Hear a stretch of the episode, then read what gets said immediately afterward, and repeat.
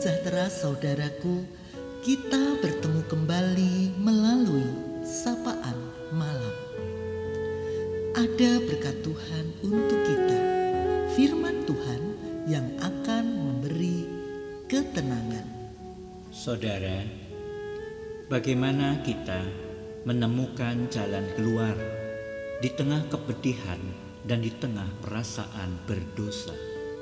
Di heningnya malam ini, marilah kita menyediakan diri kita untuk disapa oleh firman Allah yang terdapat di dalam Mazmur 25 ayat 5 dan 7.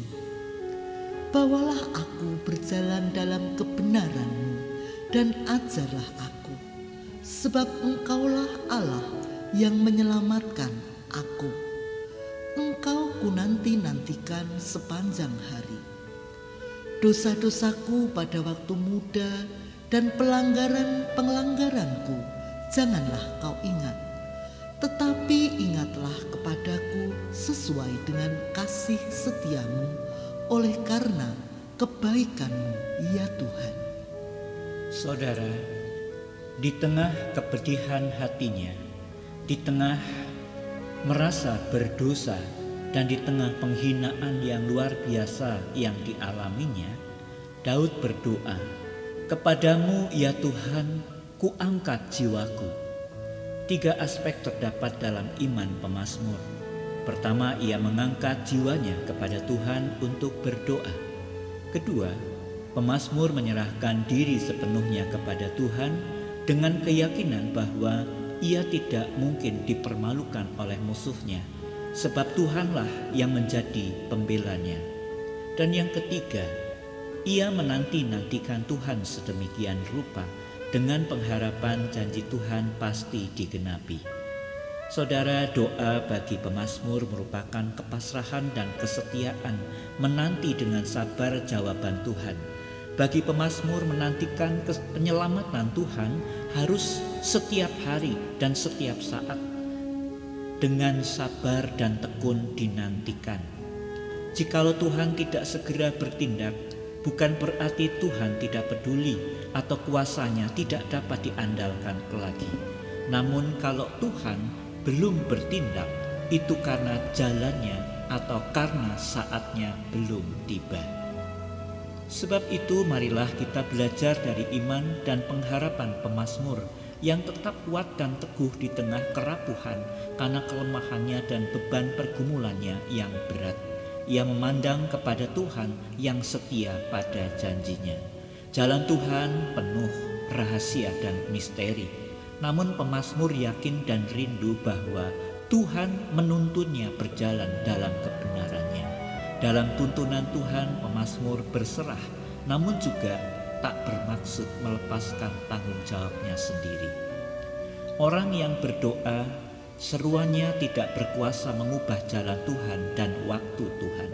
Si pendoa menyadari keberadaannya sebagai yang memohon jadi doa tidak dapat mengubah keputusan Tuhan, tetapi doa membuat si pendoa semakin mengenal kebesaran Tuhan dan jalan-jalannya, semakin bergantung kepada pertolongan Tuhan. Makin kenal Tuhan, makin mengubah si pendoa sehingga dapat menyadari kesalahan serta menyelesaikannya di hadapan Tuhan. Sikap percaya bahwa Tuhan pengampun dan Tuhan setia pada janjinya adalah cara masuk pada kebenaran Allah. Tidak ada kekuatan apa pun dari manusia yang dapat membuatnya boleh menjadi orang benar di hadapan Allah. Hanya oleh kekuatan anugerah Tuhan saja. Karena itu hiduplah menurut ajaran, menurut jalan Tuhan dan tuntunan rohnya. Supaya kita hidup sesuai dengan jalan-jalan Tuhan dan janjinya. Dan kita bisa keluar dari kepedihan hati dan perasaan berdosa kita dengan benar.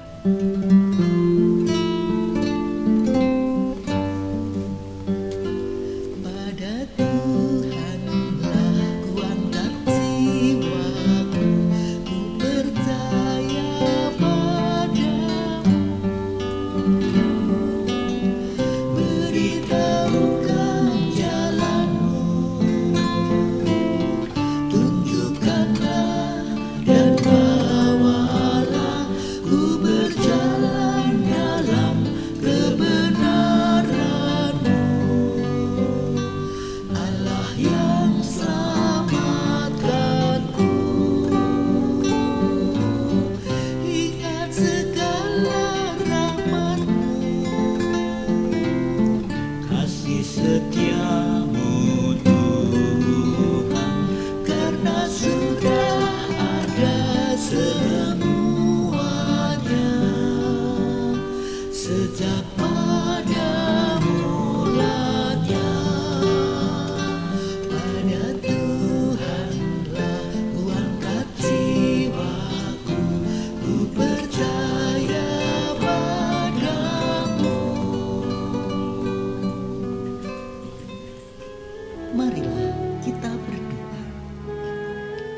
Bapa di sorga, dikuduskanlah namamu.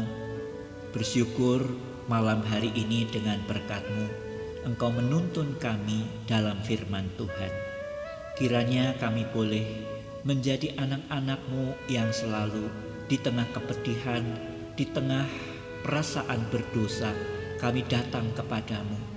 Datang kepadamu Tuhan untuk mengangkat jiwa anak-anakmu di hadapanmu kami serahkan setiap pergumulan di malam hari ini. Di tengah kesesakan hidup, Tuhan yang akan memberikan jalan keluar. Tuhan mampukan kami untuk beriman teguh kepadamu. Semakin kuat kami bersandar kepadamu. Mari Bapa, Engkau yang akan menolong anak-anakmu di dalam perjuangan hidupnya, di tengah kesulitan dan kesesakannya. Engkau hadir dan Engkau melepaskan mereka dan juga untuk tidur malam kami pada hari ini. Berkatilah dengan pemulihan dan kesehatan. Di dalam nama Tuhan Yesus Kristus kami berdoa. Amin. Selamat malam saudaraku. Jalan Tuhan penuh rahasia dan misteri. Tapi biarlah kita yakin dan rindu bahwa Tuhan menuntun kita berjalan dalam kebenarannya. Selamat beristirahat. Tuhan Yesus memberkati.